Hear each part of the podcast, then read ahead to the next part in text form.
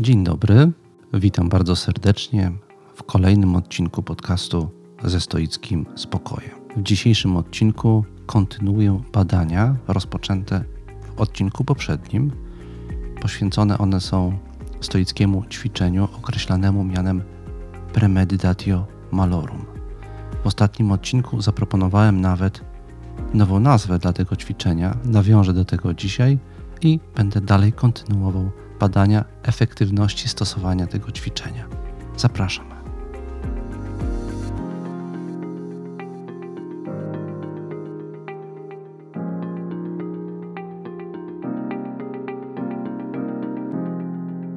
W poprzednim odcinku podcastu ze stoickim spokojem wyjaśniłem, jaka jest istota i struktura ćwiczenia o nazwie Premeditatio Malorum.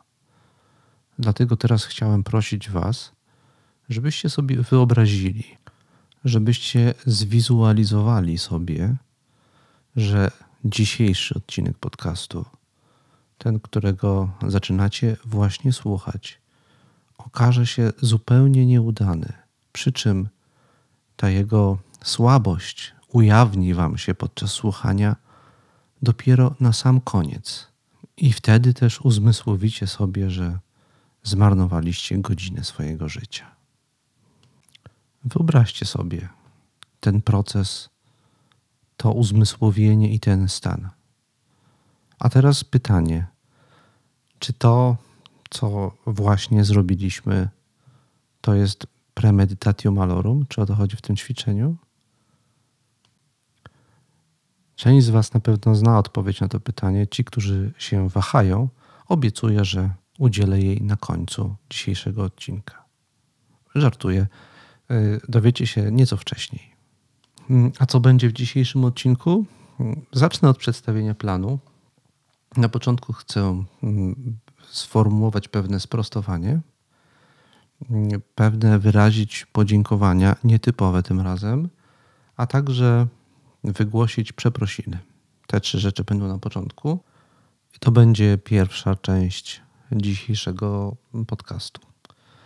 Następnie zrekapituluję krótko główne problemy, jakich można doświadczać, o jakich wiem, że różne osoby doświadczają przy realizacji ćwiczenia premeditatio malorum, dla którego wymyśliłem inną nazwę. O tym będę też mówił, o tej innej nazwie, bo nastąpiły tutaj pewne komplikacje. To będzie druga część dzisiejszego odcinka. W trzeciej części skupię się na różnych sposobach przezwyciężania wymienionych wcześniej problemów. I to będzie główna część merytoryczna dzisiejszego odcinka podcastu.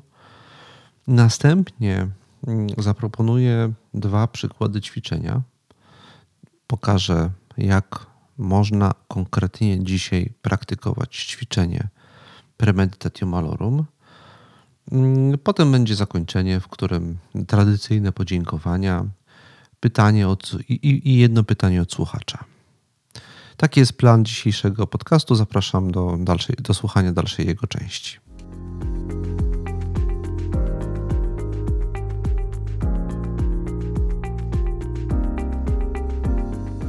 Przechodzę zatem do zapowiedzianej pierwszej części, w której mają być trzy rzeczy: sprostowanie, podziękowania i przeprosiny.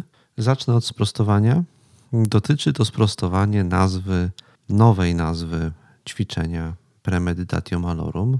Jednym z elementów mojego wyjaśnienia tego ćwiczenia było zwrócenie uwagi na tkwiące w samej nazwie tego ćwiczenia źródło nieporozumień albowiem w samej nazwie e, wskazuje się na jakieś zło, które jest przedmiotem tej medytacji, premeditatio malorum, i to zło jest czymś, nad czym medytujemy.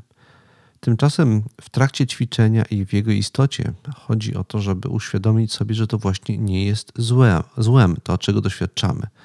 Skoro to nie jest złem, to w samej nazwie nie powinniśmy tego tak nazywać. Z tego e, powodu zaproponowałem nową nazwę. Jednak mm, dwójka w sumie zaprzyjaźnionych filologów zwróciła mi uwagę na błąd gramatyczny w, w łacińskim sformułowaniu, które zaproponowałem. Zamiast mm, e, meditationis accessum, mm, oni powiedzieli mi, że powinienem używać innego określenia, mianowicie meditationis accessus. I chciałem już na tym poprzestać. Jednak e, w grupie mm, e, zamkniętej na, na Facebooku, grupie przyjaciół stoickiego spokoju, tak ją nazwałem, rozgorzała dyskusja na temat adekwatności tej nowej nazwy. Bardzo interesująca i intrygująca dyskusja. I tam zwrócono uwagę, że ona też nie do końca uchwytuje to, o co chodzi w tym ćwiczeniu, bo w tym ćwiczeniu chodzi właśnie o demaskowanie pewnych miraży, o atakowanie miraży, o dekonstruowanie ich wpływu na nas. W związku z tym zaproponowałem inną nazwę, e, która po polsku miałaby mm, brzmieć, na razie po polsku ją podam, pokonywanie szkodliwych miraży że jest to medytacja pokonująca czy przezwyciężająca szkodliwe miraże, które nas w życiu nawiedzają. I tutaj znajdująca się na tej grupie filolożka, nie specjalizująca się wprawdzie w języku łacińskim, lecz w innym, zaproponowała nazwę. Jest to wstępna propozycja do tego nowego, nowego nazewnictwa ćwiczenia Premeditatio Malorum i ono brzmi następująco, tutaj spróbuję dobrze to przeczytać, Superatio illusionum damnazorum. Ale to jeszcze, ja to skonsultuję z mm, odpowiednimi filologami. Inna wersja, którą zaproponowała Superatio illusionis malorum. Ale to jest, tak jak powiedziałem, do skonsultowania. Jak, jak widzicie, trwa dyskusja na temat właściwej nazwy. Na razie proponuję pozostać przy Meditationis Accessus. Przypomnę, że chodzi o to, żeby od, od początku praktykowania tego ćwiczenia w naszym umyśle było jasne, że nie chodzi o to, co sobie przedstawiamy, tylko o to, jak pracujemy z tymi mirażami, żeby przezwyciężywszy je, uzyskać dostęp.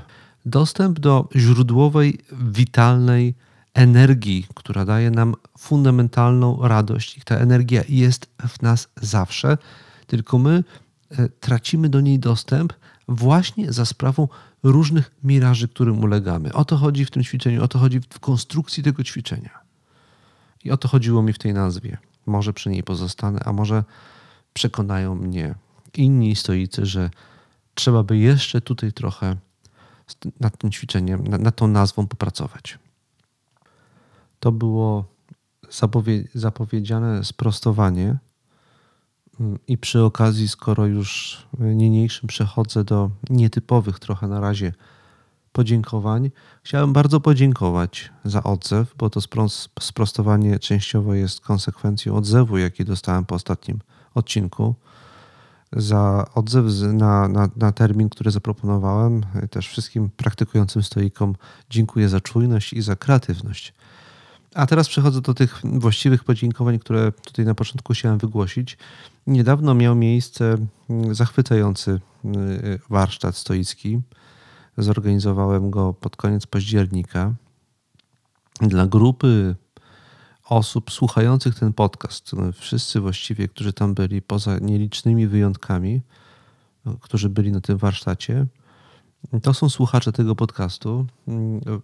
Mówię o tym dlatego, że udało się w trakcie tych czterodniowych warsztatów pod Warszawą, w mojej ocenie, uzyskać coś niezwykłego. Ja chyba czegoś takiego jeszcze nie doświadczyłem. Oto bowiem spotkało się dwanaścioro osób, które wcześniej się w ogóle nie znały. Skonstruowałem dla nich warsztaty, w które w dużej mierze polegały na tym, że w małych podgrupach wykonywaliśmy różne zadania, potem się efektami tych prac dzieliliśmy, wymienialiśmy doświadczeniami. Efekt był taki, że w ciągu bardzo szybkiego czasu, w ciągu mniej więcej jednego dnia ta grupa zaczęła się bardzo dobrze ze sobą komunikować, rozumieć. E, I jakaś taka dziwna, bardzo dynamiczna, bardzo żywa i zażyła więź, więź wywiązała się między uczestnikami warsztatu, uczestnikami i uczestniczkami warsztatu. I to byłem pod bardzo dużym wrażeniem tego procesu. To świadczy o tym, że słuchacze i słuchaczki tego podcastu mm, cechuje to, że to są ludzie pewnego typu, którzy jak spotkają się w jednym miejscu, to dość szybko mm, znajdują wspólny język, wspólny sposób komunikowania się, wspólnoty doświadczeń i cieszą się tym, tą wymianą. To było czuć na tym warsztacie, ja byłem tym zachwycony.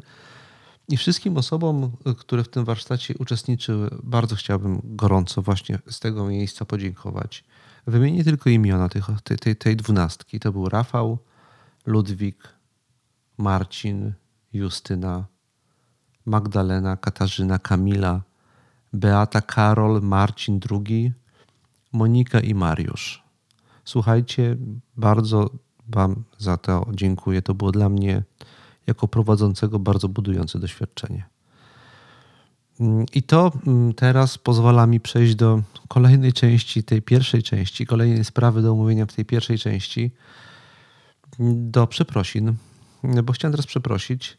W poprzednim odcinku obiecałem, że ogłoszę kolejny warsztat, e, który miałby się odbyć na początku stycznia. E, I ja niestety tego nie ogłosiłem albowiem pocztą pantoflową zaczęły się zgłaszać y, osoby, głównie słuchacze tego podcastu. I zanim przyszedł moment, kiedy chciałem to ogłosić, okazało się, że wszystkie miejsca są już zajęte. I za to przepraszam. Tak po prostu wyszło. Dziękuję wszystkim za tą taką gorliwość, bo dzięki tej, tej gorliwości to się udało zapełnić, a tym wszystkim, którzy mm, cierpliwie czekali, aż ogłoszę oficjalnie nabór na kolejny warsztat stoicki w styczniu. Bardzo te osoby przepraszam i obiecuję, że będą kolejne okazje, żeby się na taki warsztat zapisać. Będę starał się to regularnie organizować. Te warsztaty także dla mnie są bardzo pozytywnym, budującym, inspirującym doświadczeniem, więc mm, będę to robił, robię to i obiecuję, że będę to ogłaszał.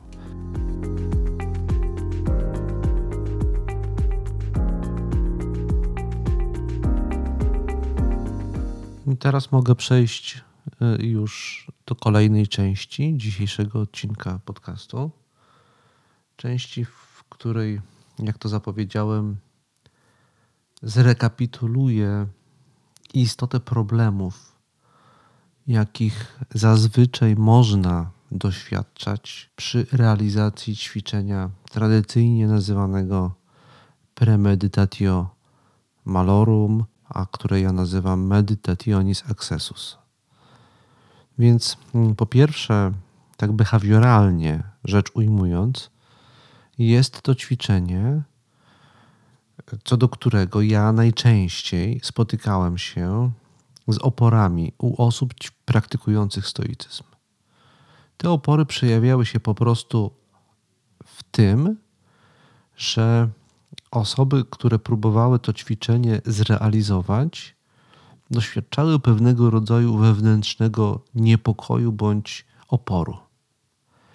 Mówiły zazwyczaj wtedy, że to ćwiczenie po prostu im źle robi, że im szkodzi, że im się nastrój pogarsza, bo kiedy wizualizują sobie różne możliwe nieszczęścia, a ta, to jest kluczowy element tego ćwiczenia, różne przeszkody na jakie w życiu mogą napotkać, różne przykrości, jakie mogą ich na co dzień spotkać. Kiedy sobie to wizualizują, to, to obniża się ich nastrój, zaczynają wierzyć, że to się im może naprawdę przydarzyć. E, niektórzy wręcz mówią, że to jest jakieś ściąganie na siebie nieszczęść, że jest to rodzaj życzenia sobie doświadczenia czegoś przykrego. Więc tak to się objawia. W mojej ocenie i po analizie tych doświadczeń, tych opisów, powody są co najmniej cztery. Cztery różne istotne powody tego typu reakcji na ćwiczenie Meditationis Accessus. Po pierwsze, powód, który w miarę dobrze omówiłem już w poprzednim odcinku podcastu, czyli niezrozumienie istoty ćwiczenia i przeprowadzenie go w sposób niekompletny w efekcie. Ten brak dokończenia ćwiczenia przejawia się w tym, że skupiamy się wyłącznie na wizualizacji różnych nieszczęść i nigdzie z tym dalej nie idziemy. A skoro już sobie te nieszczęścia zwizualizowaliśmy, to w sposób naturalny nasz umysł reaguje uwalnianiem różnych negatywnych emocji w odpowiedzi na te obrazy, które sobie w umyśle przedstawiliśmy. Przedstawiamy sobie, że coś przykrego nas spotka i patrzymy na to, co nas przykrego może spotkać. Nic więcej z tym przedstawieniem nie robimy, w efekcie czego nasz umysł e, nasyca się niepokojem i lękiem, że to faktycznie może nas spotkać, skoro sobie to już wyobraziliśmy. To można usunąć w bardzo prosty sposób poprzez uzmysłowienie sobie, że istotą tego ćwiczenia jest przeprowadzenie kilku kroków. I tylko pierwszym krokiem jest zwizualizowanie sobie nieszczęścia. Następne kroki to jest skonfrontowanie się z tym nieszczęściem w umyśle i powiedzenie sobie, że to nie jest nic złego, jeżeli nas to może spotkać, bo dobro i zło to są wyłącznie stany naszego umysłu, a nie to, co nas spotyka. A więc trzeba sobie umieć powiedzieć, i cóż z tego, że nas to spotka. Każdy to określenie, którego w tym kontekście użyję, powinien skonstruować tak, żeby było adekwatne dla jego wrażliwości językowej. Spotkałem się z osobami, które w tym kontekście używały przekleństw. Możecie sobie wyobrazić, jakie przekleństwa, kiedy nas coś przykrego spotyka. Niektórzy, żeby odreagować, odrzucić to, powiedzieć sobie wewnętrznie nie na to doświadczenie, chcą użyć jakiegoś mocnego sformułowania, które wejdzie im w krew i którego nawykowo, odruchowo w obliczu tego rodzaju nieszczęśliwych zwrotów zdarzeń mogą użyć. To jest obszar waszej własnej inwencji. Czyli pierwszy powód, tak jak tutaj powiedziałem, kłopotów, jakich możemy doświadczać przy realizacji tego ćwiczenia, to jest niekompletny sposób jego realizacji. To jest pierwszy powód. Drugi powód to myślenie magiczne. Wbrew pozorom, duża część ludzi, pomimo rozwoju nauki, postępu w obszarze badań empirycznych nad naturą rzeczywistości, cały czas korzeniami swojego umysłu tkwi w istocie myślenia magicznego. Istotą myślenia magicznego jest przekonanie, że między obrazami, które w głowie mojej powstają, a zdarzeniami w rzeczywistości zachodzi jakaś relacja przyczynowo-skutkowa. Zdarzyło mi się kiedyś, że pewna osoba z mojej rodziny zwierzyła mi się, po przeczytaniu książki właśnie na temat pozytywnej wizualizacji, są takie książki, teorie dzisiaj głoszone, które określam mianem magicznych właśnie, ona sobie wizualizuje, że znajdzie miejsce do parkowania w centrum. I mówi mi, że odkąd takie wizualizacje przeprowadza, zawsze znajduje miejsce, a więc między taką wizualizacją a efektem jej zachodzi jakaś relacja przyczynowo-skutkowa. Każdy badacz, każdy naukowiec, każda osoba o światopoglądzie empirycznym i racjonalnym powie Wam, że taka relacja w świecie nie zachodzi. Między naszymi wyobrażeniami a zdarzeniami w świecie nie zachodzi relacja przyczynowo-skutkowa. Da się to bardzo łatwo zweryfikować empirycznie i tego rodzaju badania były wielokrotnie przeprowadzane. Nie da się obronić tezy o tym. Jest to infantylny przejaw naszego zakorzeniania w antropologicznej, odległej przeszłości, które gdzieś tam jakimiś tropami w naszym mózgu się cały czas ujawnia. Ale to jest coś, co powinniśmy jako istoty racjonalne i rozsądne umieć przezwyciężyć i do tego apeluję. I to myślenie magiczne ma wpływ także na porażkę niektórych osób w testowaniu premeditatio malorum, czy jak ja tutaj określam, meditationis accessus Boimy się, że nasze wyobrażanie sobie czegoś złego ściągnie nam, na nas to coś złego. Relacja między naszymi wyobrażeniami a zdarzeniami nie zachodzi. Nie ma tutaj relacji przyczynowo-skutkowej. I trzeba umieć ten schemat w sobie przezwyciężyć. Trzeba sobie uświadomić, że to jest fałszywy obraz rzeczywistości, fałszywy obraz na temat relacji, jakie zachodzą w świecie, który uniemożliwia nam czerpanie korzyści z dobrodziejstw tego ćwiczenia. To były dwa powody z czterech, które zapowiedziałem, niepowodzeń w praktykowaniu tego ćwiczenia. I te dwa powody dość łatwo się z nimi rozprawić i właściwie to zaproponowałem, jak to zrobić. Teraz przejdę do dwóch powodów trudniejszych i bardziej rzeczywistych, bardziej namacalnych.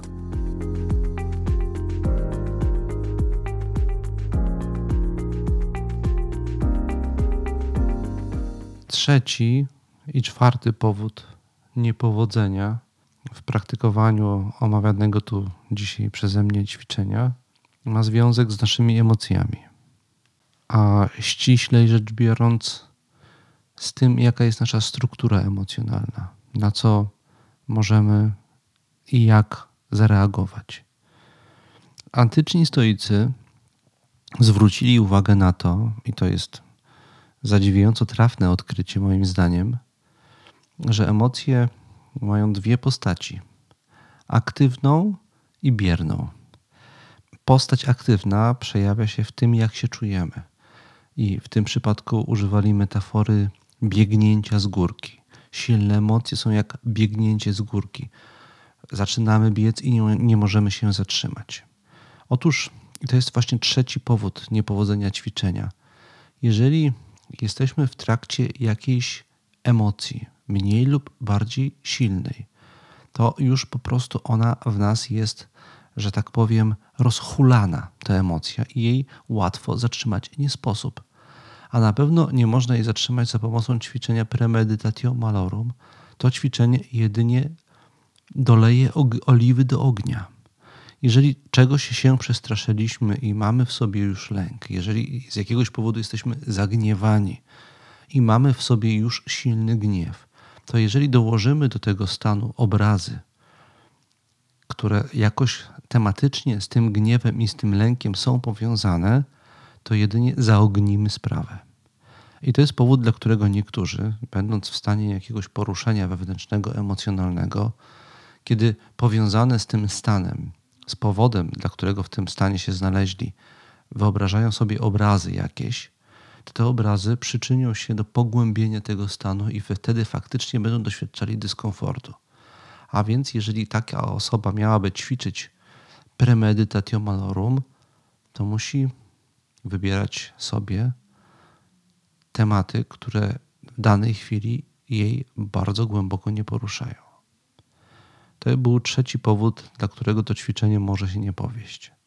Czwarty powód, dla którego e, nasze omawiane tutaj dzisiaj ćwiczenie może się nie powieść, też jest związane z emocjami, ale w inny sposób. Chodzi o bierny stan naszej emocji.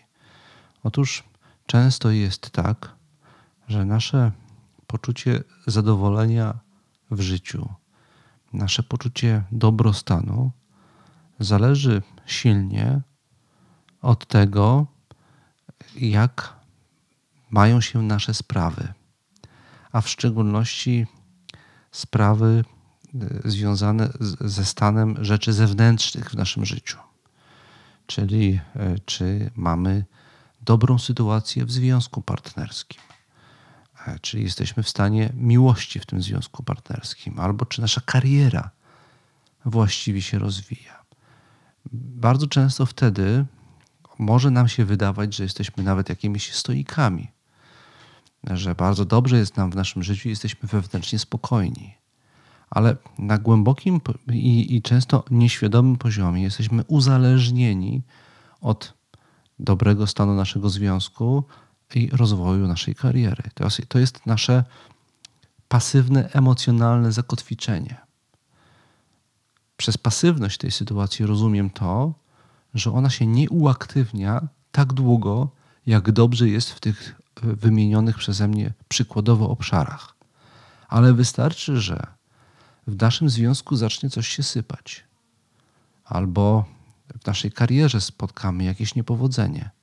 A to są jakoś naprawdę fundamentalnie ważne dla nas rzeczy, chociaż, chociaż my tego możemy do końca nie wiedzieć. Wtedy, jeżeli to uczynimy przedmiotem medytacji, to to może uruchomić bardzo silne emocje. Zarówno kiedy to się dzieje naprawdę, jak kiedy tylko o tym, o tym na, na ten temat medytujemy w ramach ćwiczenia stoickiego. Osoby, które mają bardzo silne zakotwiczenie w jakimś temacie, w jakiejś rzeczy zewnętrznej, obecnej w ich życiu bardzo mocno, te osoby ćwiczeniem stoickim, które każe sobie wyobrazić nieszczęście, mogą to zakotwiczenie naruszyć i w ten sposób uruchomić silne emocje. I to jest czwarty powód, który może sprawić, że praktykowanie ćwiczenia, które określiłem mianem meditationis accessus, może się nie powieść.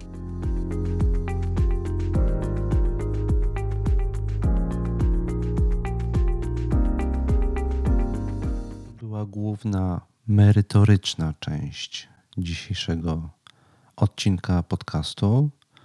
Podałem w niej i zanalizowałem główne problemy, jakich możemy doświadczać przy praktykowaniu tego specyficznego stoickiego ćwiczenia, specyficznego, bardzo znanego i ważnego, które nazywam Meditationis Accessus.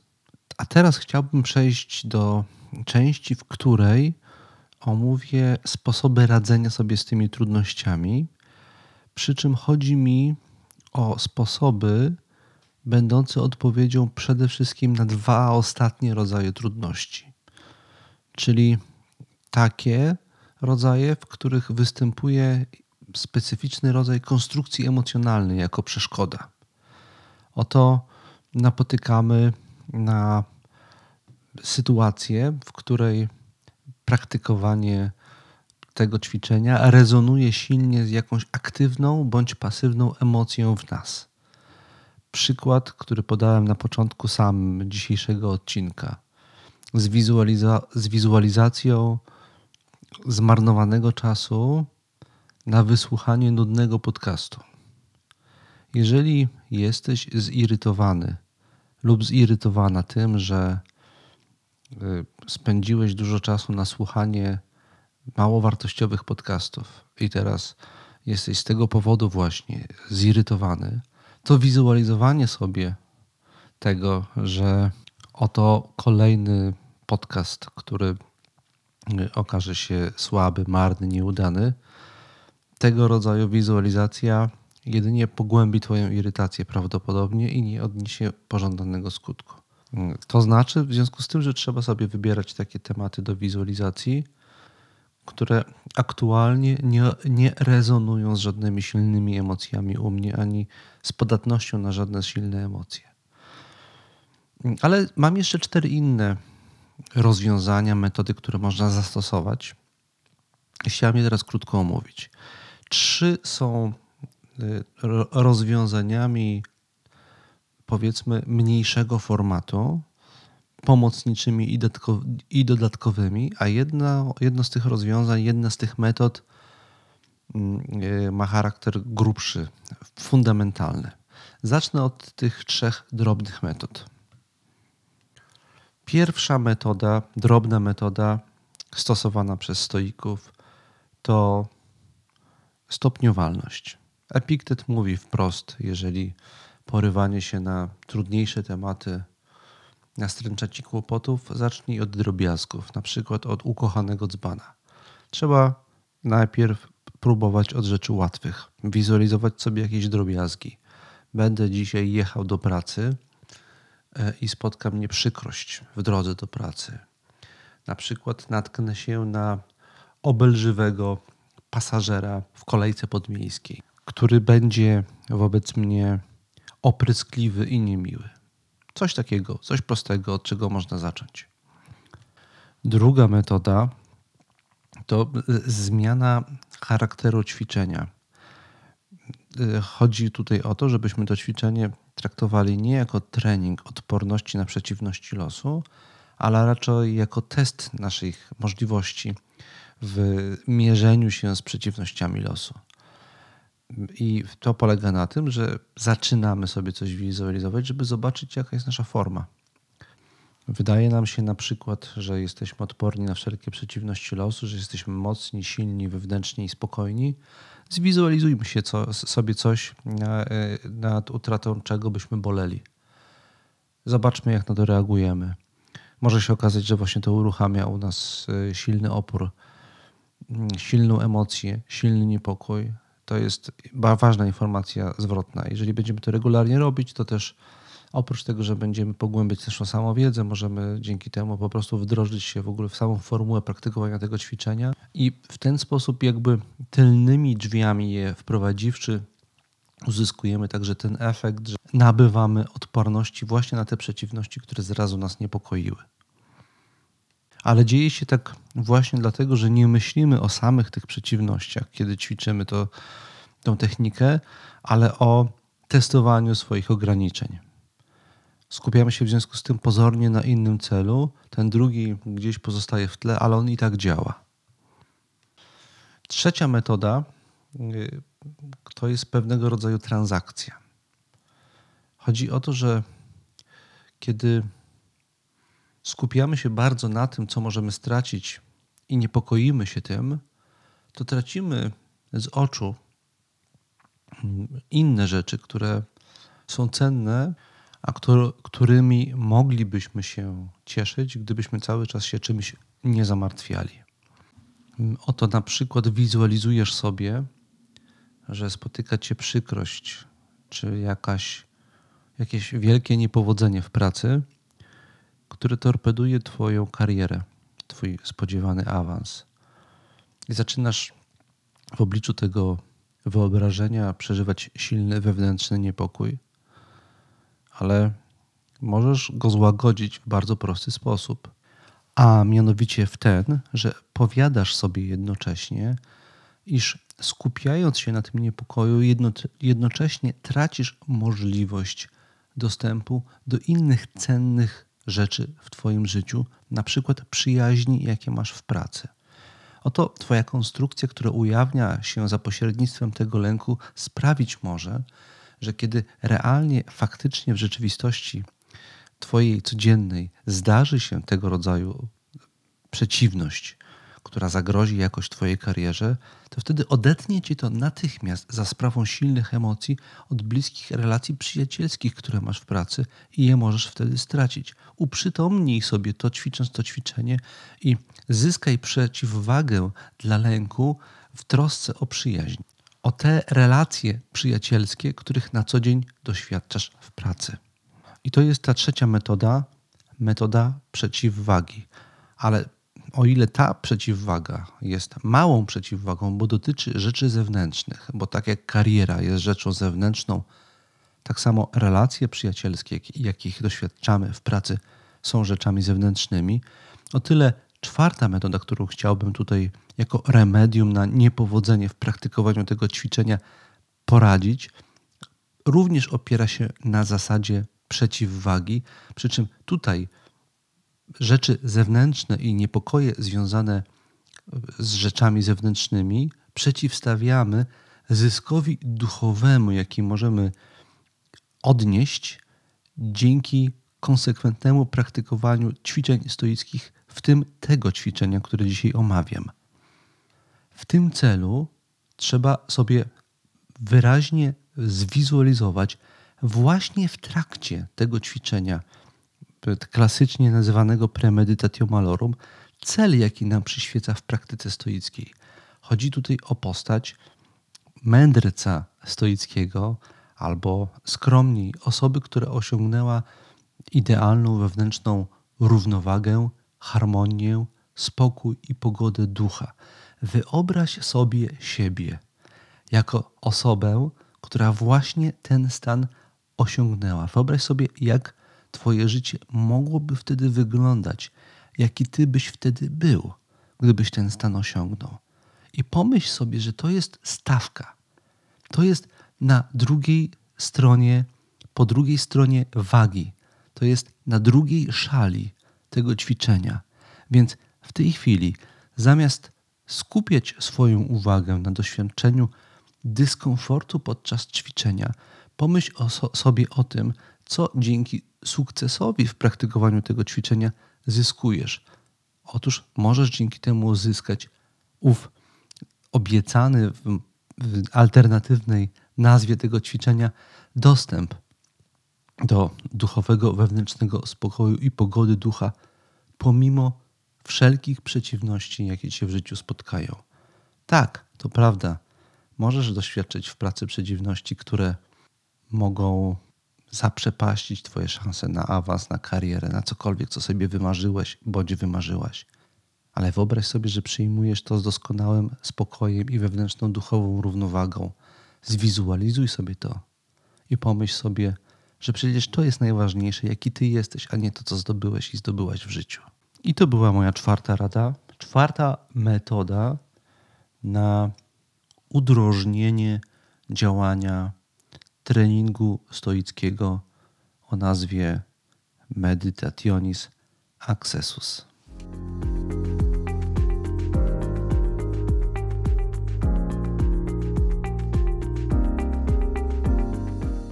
Teraz przechodzę do ostatniej, merytorycznej, krótszej już części dzisiejszego odcinka podcastu.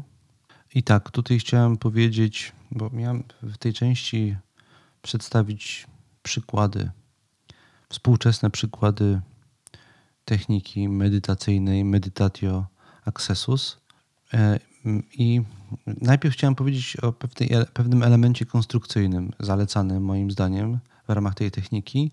Wydaje mi się, że warto sobie to przedstawić w ten sposób, że zawsze w tym ćwiczeniu są obecne dwa elementy. Po pierwsze, pewien element abstrakcyjny, ogólnie wskazujący na typ sytuacji, jaką sobie wizualizujemy. I taki przykład znajdujemy u Marka Aureliusza na samym początku drugiej księgi rozmyślań, gdzie czytamy ten klasyczny, reprezentatywny dla Marka Aureliusza sposób wizualizowania sobie tych nieszczęść, które mogą go spotkać. Cytuję. Zaczynając dzień, powiedz sobie: Zetknę się z człowiekiem natrętnym, niewdzięcznym, zuchwałym, podstępnym, złośliwym, niespołecznym. To jest część ćwiczenia, które tutaj dzisiaj omawiamy. I to jest ta część abstrakcyjna, którą powiedziałem. Chodzi o sformułowanie naprowadzające nas na ogólną kategorię zdarzeń, które sobie, tych nieszczęśliwych zdarzeń, które sobie mamy wizualizować. Tutaj widzimy, że Marek Aureliusz naprowadza nas, nas na kategorię z obszaru relacji międzyludzkich. To jest pierwszy element, element abstrakcyjny. Drugi element jest konkretny. Warto sobie zwizualizować, znając swoje sytuacje, jakie nam się na co dzień mogą przydarzyć, zwizualizować w postaci konkretnych osób znanych nam z codziennej naszej egzystencji, które mogą takie się właśnie w relacji z nami okazać. Możemy się tego po nich spodziewać i to trzeba sobie wizualizować. To jest y, ten drugi element. Za chwilę może podam jakiś konkretny przykład, y, ale inny podam jeszcze przykład tych dwóch elementów. Seneca w listach moralnych do Lucyliusza, y, w liście, w którym bardzo długo opowiada o unicestwieniu całego miasta. To, był w to było, zdaje się, w efekcie wybuchu wulkanu, tak mi się wydaje, o ile dobrze pamiętam. Mm, w jednym z listów y, o tym Seneca pisze e, i komentuje to jednym pięknym, lapidarnym zdaniem, które nadaje się jako punkt wyjścia mm, właśnie meditationis accessus. To zdanie brzmi, co stoi, ma upaść. A więc jest to wprowadzenie do tej kategorii zdarzeń, w których próbujemy ująć w naszym życiu wszystko to, co wydaje nam się jak czymś pewnym i niezmiennym. A przecież w każdej chwili może właśnie w obszarze tego, co nam się wydaje oczywiste, nienaruszalne, nastąpić gwałtowna zmiana, której w ogóle nie przewidujemy. Na przykład w odniesieniu do naszego zdrowia albo którejś z naszych relacji, Oto możemy sobie wyobrazić, że przyjaciel albo bliska osoba postąpi wobec nas niesprawiedliwie. Wyobraź to sobie. Pomyśl, jak w takiej sytuacji zareagujesz. Mnie niedawno coś takiego spotkało i trochę byłem nieprzygotowany. I w pierwszym odruchu poczułem takie e, wzburzenie. Szybko udało mi się zatrzymać proces emocji. E, zdystansowałem się dość, dość szybko, ale to, jest, to była rzecz, do której tego dnia nie byłem przygotowany. Nie wizualizowałem sobie tego. A może właśnie to jest coś, co powinno się wizualizować.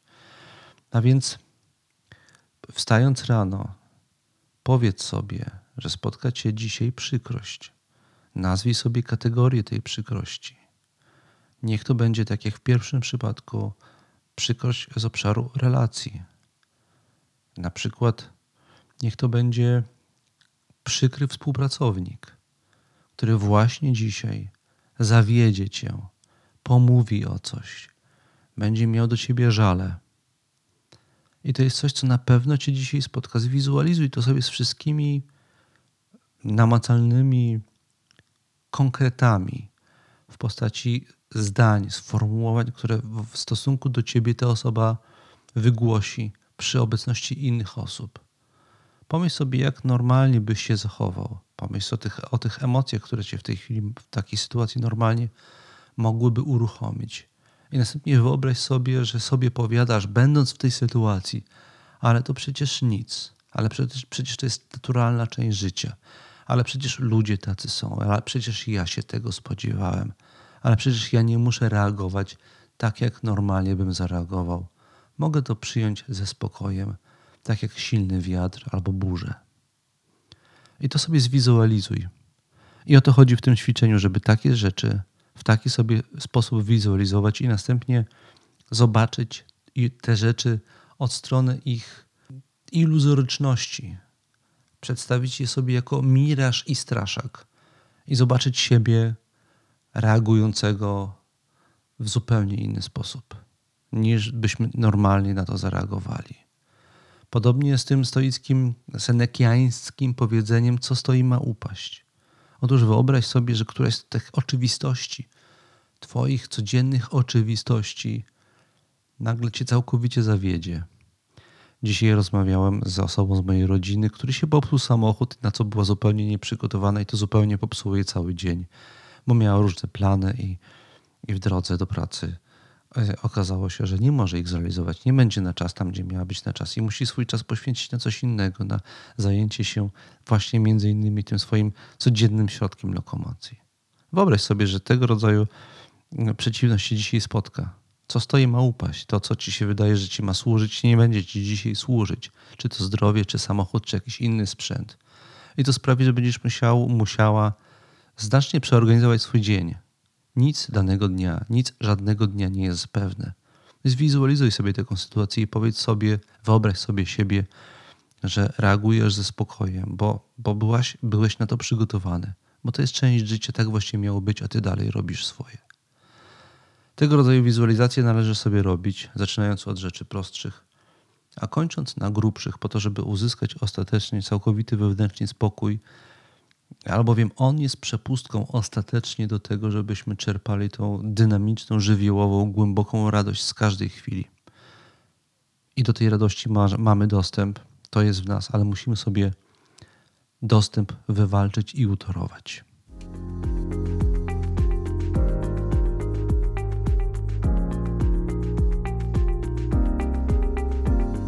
Tym samym dotarliśmy już do ostatniej części dzisiejszego odcinka podcastu ze stoickim spokojem. Jest to część, w której odpowiadam na pytania oraz wyrażam wdzięczność. Zacznę od pytania. Nie chcąc bardziej przedłużać dzisiejszego odcinka, ograniczę się do jednego e-maila, w którym są dwa pytania i odpowiem na nie, na te pytania na razie wstępnie.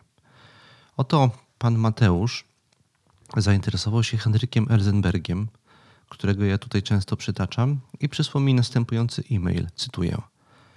Panie Tomaszu, często wspomina pan Henryka Elzenberga w swojej działalności stoickiej jako jednego z polskich stoicyzujących filozofów.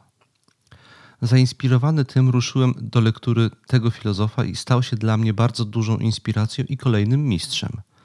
Wiem, że jest Pan wybitnym znawcą tego filozofa i chciałbym zapytać, jak odnosi się Pan do jego interpretacji rozmyślań Marka Aureliusza? Czy uważa Pan, że Elzenberg nie rozpoznał konkretnych stoickich ćwiczeń podczas badania tekstu cesarza? Czy może znajdują się tam niektóre obserwacje godne uwagi i nie stojące w sprzeczności z interpretacją Pierre Ado? Obawiam się, że moje drugie pytanie jest zbyt rozległe na korespondencję mailową, ale i tak je zadam. Czy myśli pan o co myśli Pan o argumencie Elzenberga przeciwko etyce opartej całkowicie na racjonalnej ocenie? Podanej pod koniec eseju Brutus, czyli przekleństwo cnoty. Problem poruszony tam jest dla mnie bardzo ważny, ponieważ często o nim myślę, gdy rozmyślam nad swoim stoicyzmem. Dlatego chciałem zapytać o Pańskie zdanie z poważaniem. Mateusz. No więc y, to są trudne pytania bardzo. Ja istotnie y, wiele lat temu bardzo mocno zajmowałem się Henrykiem Elzenbergiem i był on dla mnie wielką inspiracją i wzorem pod wieloma względami. Przede wszystkim y, rzetelności i precyzji w wyrażaniu myśli. I tak jak tutaj y, słuchacz zwrócił uwagę, ja określam Elzenberga mianem filozofa stoicyzującego. On, nie można go nazwać stoikiem. On inspirował się stoicyzmem w niektórych obszarach. Faktycz, faktycznie pewne elementy stoicyzmu w swoim życiu i sposobie myślenia wdrażał. Natomiast to było bardzo wybiórcze i to widzimy na przykład w jego teorii wartości Henryka Elzenberga, która wprost inspirowana jest. Podstawowe rozróżnienia z tej teorii wartości wprost inspirowane są pewnymi fragmentami z listów moralnych do Lucyliusza Seneki. I Elzenberg tego nie ukrywa, ale sposób, jak, w jaki interpretuje Elzenberg te zapisy, jest niezgodny z założeniami doktryny stoickiej. I Elzenberg na, na pewno był tego świadom. Jeżeli natomiast chodzi o wspomnianą przez słuchacza rozprawę profesora Elzenberga poświęconą właśnie w całości Markowi Aureliuszowi, to trzeba powiedzieć na ten temat, że po pierwsze jest to jego habilitacja, y, do której miał w późniejszych czasach bardzo krytyczny stosunek, wyjaśniając ten stosunek tym, że pisał ją pod presją czasu i pod presją wymagań awansu naukowego e, i sposób, w jaki potraktował ta Marka Aureliusza, w samym Elzenbergu wzbudzał duży krytycyzm i nawet gdzieś e, wspomina w swoich prywatnych zapiskach, że tą rozprawą zepsuł sobie Marka Aureliusza. Na pewno cenne jest sięgnięcie do tej książki, natomiast sposób, w jaki tam e, Marek Aureliusz jest badany, został później przez Henryka Elzenberga mocno zrewidowany, przez samego Elzenberga, więc na to trzeba brać poprawkę. Tam ta postać jest mocno psychologi psychologizowana. I Elzenberg potem był z tego niezadowolony. W ogóle nie wziął pod uwagę pe pe pewnych kontekstów, które wydobył, jak słuchacz wskazuje, y, badacz francuski Pierre Adot. Jeżeli chodzi o tekst, esej y, krytyczno-literacki pod tytułem Brutus, czyli Przekleństwo cnoty, tekst bardzo piękny y, i w swojej konstrukcji bardzo frapujący, bardzo gorąco go polecam, to on wymagałby dłuższej analizy i może to sobie odłożę na inny czas. Chętnie bym poświęcił cały jeden odcinek podcastu zbadaniu relacji między racjonalizmem a stoicyzmem. Na ile postawa stoicka jest racjonalna i co to znaczy, i jak to się przekłada na te specyficzne zagrożenia, na jakie nas wystawia czysty racjonalizm. Tutaj na razie wstępnie wyjaśnię, że wedle mojego rozumienia, tym, co jest tutaj w tekście Elzenberga przedmiotem krytyki, jest pewnego rodzaju interpretacja stoicyzmu. Sposób, w jaki ten stoicyzm przekłada się na postawę w jaki może być interpre, interpretowany i realizowany. I faktycznie stoicyzm był na przestrzeni historii interpretowany i rozumiany w bardzo wiele sposobów. Chyba możemy powiedzieć zasadnie, że mamy po prostu wiele stoicyzmów, wiele odcieni, odmian, odłamów stoicyzmu i niektóre z nich mogą przyjąć postać właśnie takiego racjonalizmu, który jest krytykowany przez Henryka Elzenberga. Więc ja bym powiedział, że tutaj Elzenberg napiętnuje pewnego typu interpretację stoicyzmu i sposób, w jaki ten stoicyzm przy, przekłada się na postawę życiową. Tutaj skończę odpowiedź i przejdę już do całkiem ostatniej części, czyli do podziękowań. Przede wszystkim wszystkim Wam dziękuję za współuczestniczenie w, te, w tej przygodzie o nazwie Współczesny Stoicyzm, że współuczestniczycie w tym i w sposób wartościowy. O tym się przekonałem podczas ostatnich warsztatów, bo brali w nim w tych warsztatach udział naprawdę wspaniali ludzie, wspaniałe osoby. I to było budujące widzieć, jak oni się ze sobą komunikują. Naprawdę wspaniałe. Więc wszystkim Wam za to uczestnictwo w tej przygodzie bardzo serdecznie dziękuję. Za wszystkie pytania dziękuję, za wszystkie komentarze i uwagi, także za czujność filologiczną bardzo dziękuję. W szczególności chciałbym podziękować patronom, które, którzy wspierają produkcję tego podcastu za pośrednictwem platformy Patronite. I e, w tym gronie znajduje się część najbardziej hojna z tych patronów, i taką najbardziej hojną grupę chciałem teraz wymienić z imienia i nazwiska. Mm, są to Zbigniew Celej, Ludwik Sinica, Bartłomiej Mazur, Jacek Mędyk, Krzysztof Pudełko, Jakub Cieśliczuk, Justyna Metryka, Rafał Myrcik, Maciej Kuchnert, Małgorzata Małodzińska, Mateusz Siwerski, Bartosz Szarowar, Łukasz Mandzyn, Maciej Grycz, Sławomir Franus, Kamila Reiter, Leszek Para. Bardzo Wam wszystkim za to wsparcie i za budowanie współczesnej wspólnoty stoickiej dziękuję. I do usłyszenia w następnym odcinku podcastu ze stoickim spokojem.